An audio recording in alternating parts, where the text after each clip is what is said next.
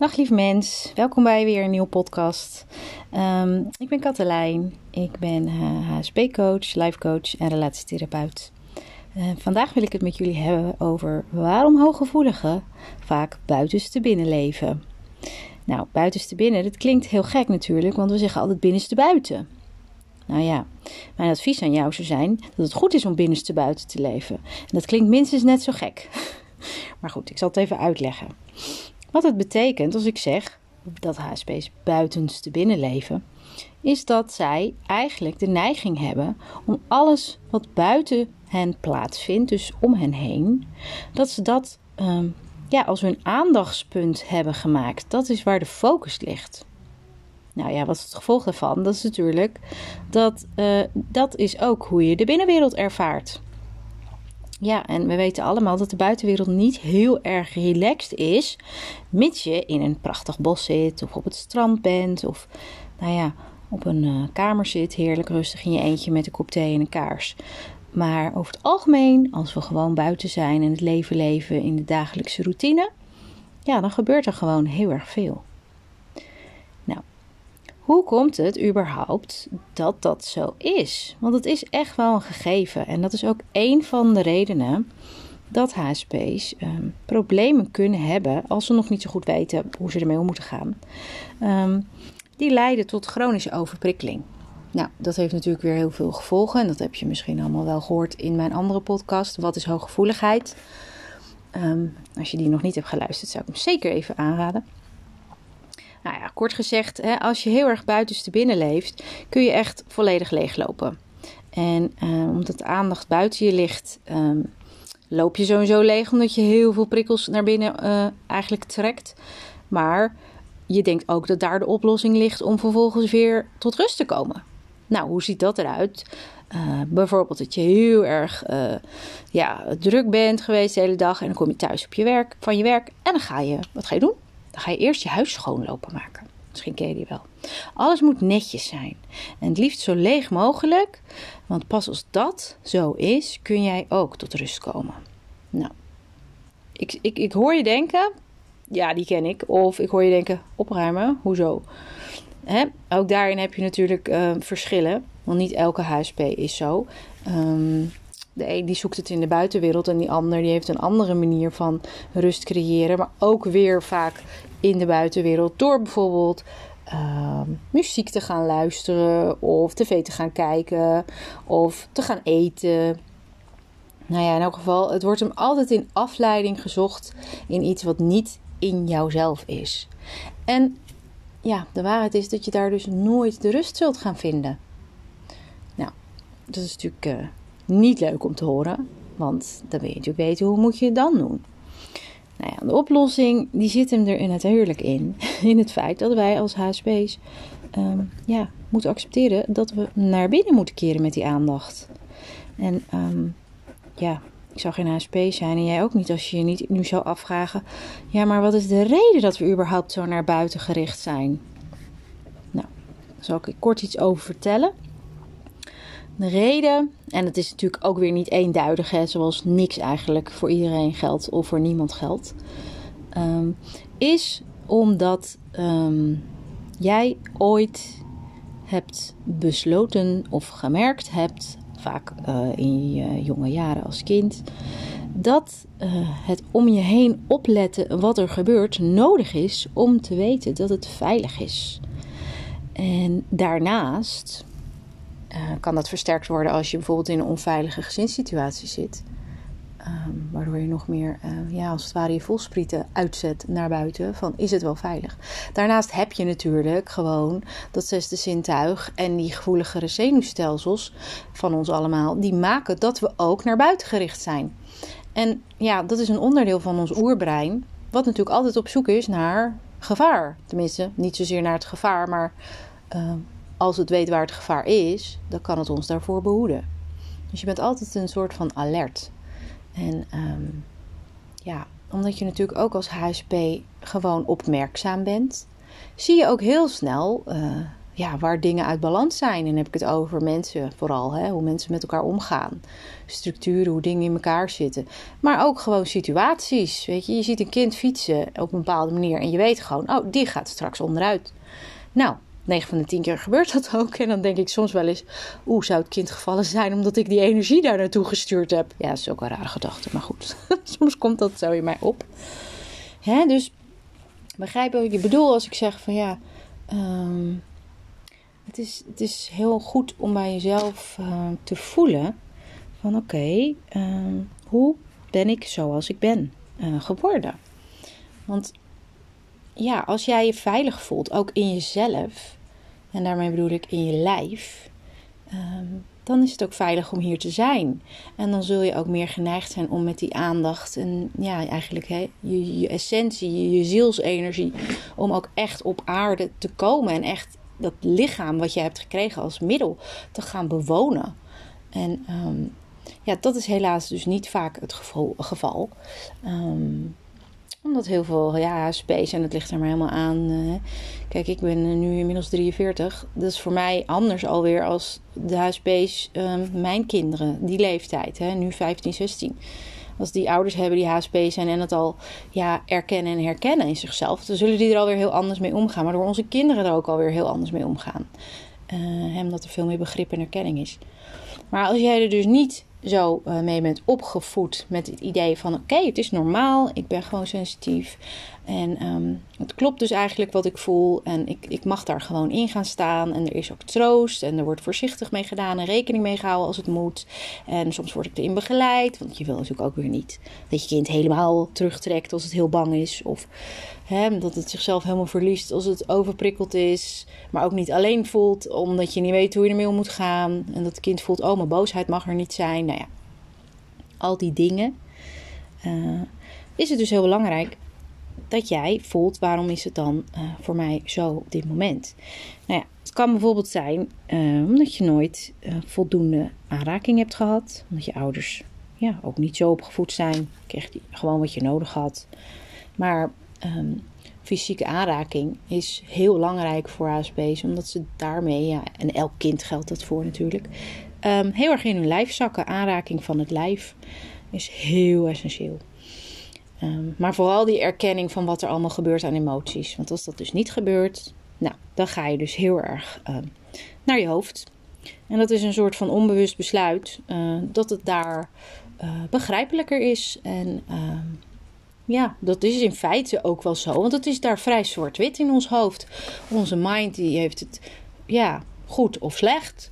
En, en als, het, als het slecht is, um, of er is een kant op lijden, nou ja, dan zal hij er alles aan doen om een soort van controle te krijgen. Um, zodat dat ook weer weggaat. Want de mind wil geen lijden, die wil geen pijn en die wil geen angst. Dus die loopt daar continu voor weg. Um, nou ja, dat sluit wel mooi aan bij wat een HSP in feite doet met emoties op zo'n moment. Als het besluit ja, vanuit het lichaam op te stijgen naar het hoofd. Dat je zegt, ja, daar kan ik niks mee. Het wordt niet erkend, ik snap er niks van, het is onveilig, ik ga maar in mijn hoofd. Daar is het vrij helder. Je kunt dingen analyseren, je kunt ze in hokjes plaatsen en dat geeft ja, een bepaalde houvast. Maar ja, wat je natuurlijk nu op dat moment niet weet en nu misschien wel, is dat je ja, ontzettend van je essentie verwijderd raakt. Hè, wij zijn allemaal opgevoed in een maatschappij waarin de mind uh, ja, eigenlijk um, de kern van alles is. En daarmee ook heel veel waarde krijgt. Als zijnde, oh, dat is zo belangrijk. Want hè, als je een goede opleiding hebt en uh, gestudeerd hebt, ja, dan, dan kan je succesvol zijn. Nou ja, dat heb ik in een andere podcast ook al uitgelegd. Dat het daar eigenlijk helemaal niet over gaat. En dat het zo langzamerhand scheef gegroeid is en meer stuk maakt dan dat het heel maakt. Maar ja, dat is de reden waarom we dus uh, eigenlijk uh, ja, in een soort van alerte toestand blijven en er van buiten naar binnen gaan leven. Nou, oké. Nu weten we dus dat is niet the way to go. Wat ga je dan doen?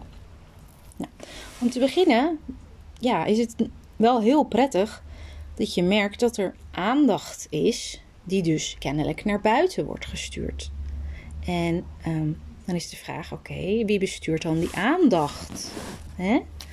En die kan je als een slang zien, of uh, ja, als een snoer, of als een lichtstraal, of ja, wat je ook wil.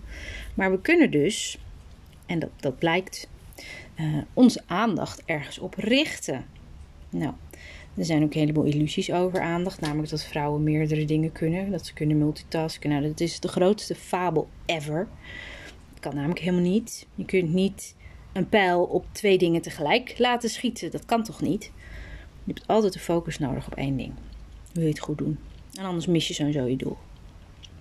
Dus ja, hoe voelt dat als jij je aandacht op iets focust? Nou, ja, het is eigenlijk een hele leuke oefening die ik uh, onlangs uh, regelmatig uh, heb gedaan. Ga eens het verschil voelen met een vluchtige kus te geven aan je partner of je kind of een kus met aandacht. En ik hoef nog niet eens uit te leggen aan jou wat het is en hoe je het doet. Maar als je het zal doen, dan zal je al ervaren dat er verschil in zit. En dan mag je zelf voelen wat dat verschil dan is. Het zou een hele stomme podcast zijn als ik het inderdaad niet zou vertellen, want tenslotte gaat het daarover. Um, maar het is toch leuker om het zelf eerst te ervaren. Dus um, als je het niet wil weten, moet je nu de podcast op stop zetten en het even gaan doen. En dan ga je daarna verder luisteren en dan kijk je of, uh, of we dezelfde bevindingen hebben. nou, um, kijk. Het is zo, op het moment dat je met aandacht iets doet, zijn er een aantal dingen nodig. Want die aandacht, ja, die komt ergens vandaan. En kennelijk ergens waar een soort van basis is. En die basis, die zit dus in jou. En je mag het zo zien. De basis van aandacht is, nou ja, als je je lichaam neemt, um, zo en zo jouw aanwezigheid. Nou, je bent op aarde met een lichaam, dus je moet je eerst verbinden met je lijf. Je moet zakken in je lijf. En als we het dan echt over een basis hebben, dan hebben we het over je voeten. Heel veel HSP's vinden dat al heel ingewikkeld, in je lijf zakken. Maar als je echt je lijf kan voelen van binnenuit, puur door er met aandacht bij te zijn. En daar kan je mijn bodyscan voor gebruiken om te oefenen. Of de aandacht uh, ja, met je voeten. Die heb ik ook, uh, als het goed is, binnenkort op Spotify. Dan weet je dat je als je met je aandacht daar bent, dat je niet tegelijkertijd ook in je hoofd kunt zitten. En als je dat kunt, dan is de volgende stap: oké, je lijf. En wat is het middelpunt van je lijf? Dat is je hart. Als je je verbindt met je hart, de plek waar we tenslotte liefde ervaren, dan kun je je verbinden. En vanuit die plek kun je dus aandacht sturen naar wat dan ook. En nou ja, nu heb ik het natuurlijk niet alleen over mensen en, en situaties. Um, maar door gewoon enkel in je lijf te zijn met je aandacht. En hoef je niet continu in een hartsverbinding te staan met jezelf. Is wel prettig. Kun je opmerken dat er dus aandacht wordt weggetrokken door jouw buitenwereld. En dat is gewoon omdat het er is.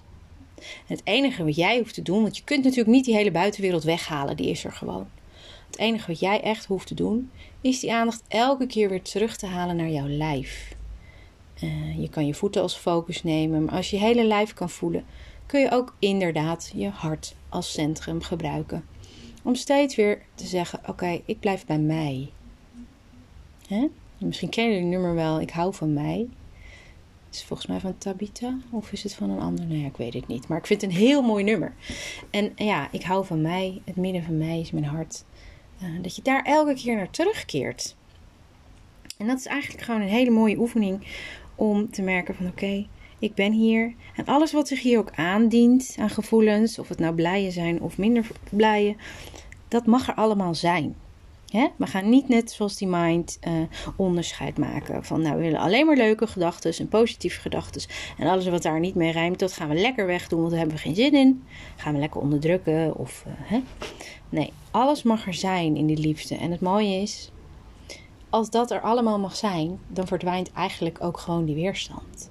En dan zijn zelfs negatieve gevoelens welkom en eigenlijk helemaal niet meer zo zwaar. En um, op dat moment als je dan ja, zelf op een keuzespunt staat of op een kruispunt om een keus te maken van oké, waar wil ik mijn aandacht in stoppen? Dan voel je bij je hart, is dit voor mij of niet? Nou ja, dat is al een gesloten vraag. Ik zou gewoon stellen, is dit voor mij? En dan voel je vanzelf of je een aantrekking krijgt. Dan ga je, voel je je hart als het ware open gaan. Of hm, dat het een beetje ingedeukt wordt. Nou, dat is een duidelijke nee. En zo kun je dan zelf bewust je aandacht ergens op richten. En dat kan zijn op een, op een persoon die met je praat, of uh, je kind die iets vertelt.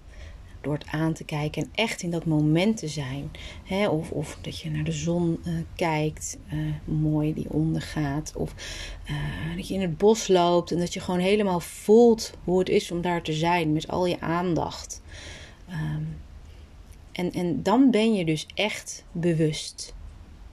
Hè? En bewust er zijn, bewuster zijn, bewustzijn, is met volledige aandacht in het hier en nu zijn. En dat kan alleen maar vanuit je hart.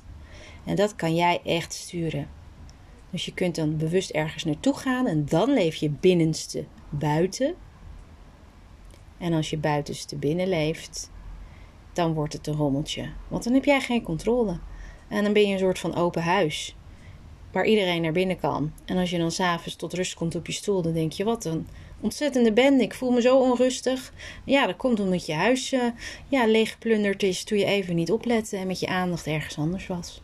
En dan moet je dat gaan opruimen. Nou, daar heb je natuurlijk gelukkig ook manieren voor. Uh, zoals uh, schone spoeloefeningen en dat soort dingen meer.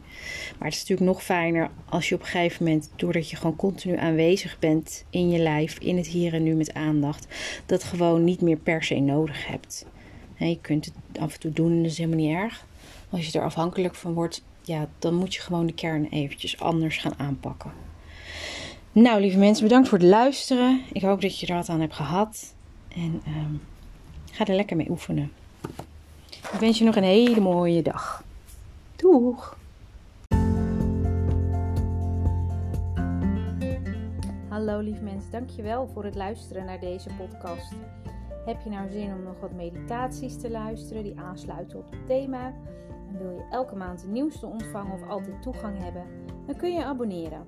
Voor slechts 2 euro per maand ontvang je alle meditaties die aansluiten bij de thema's ontwaken en hooggevoeligheid. Wil je me volgen op Instagram? Kijk dan bij HSP en Life Coaching. Dankjewel en tot snel!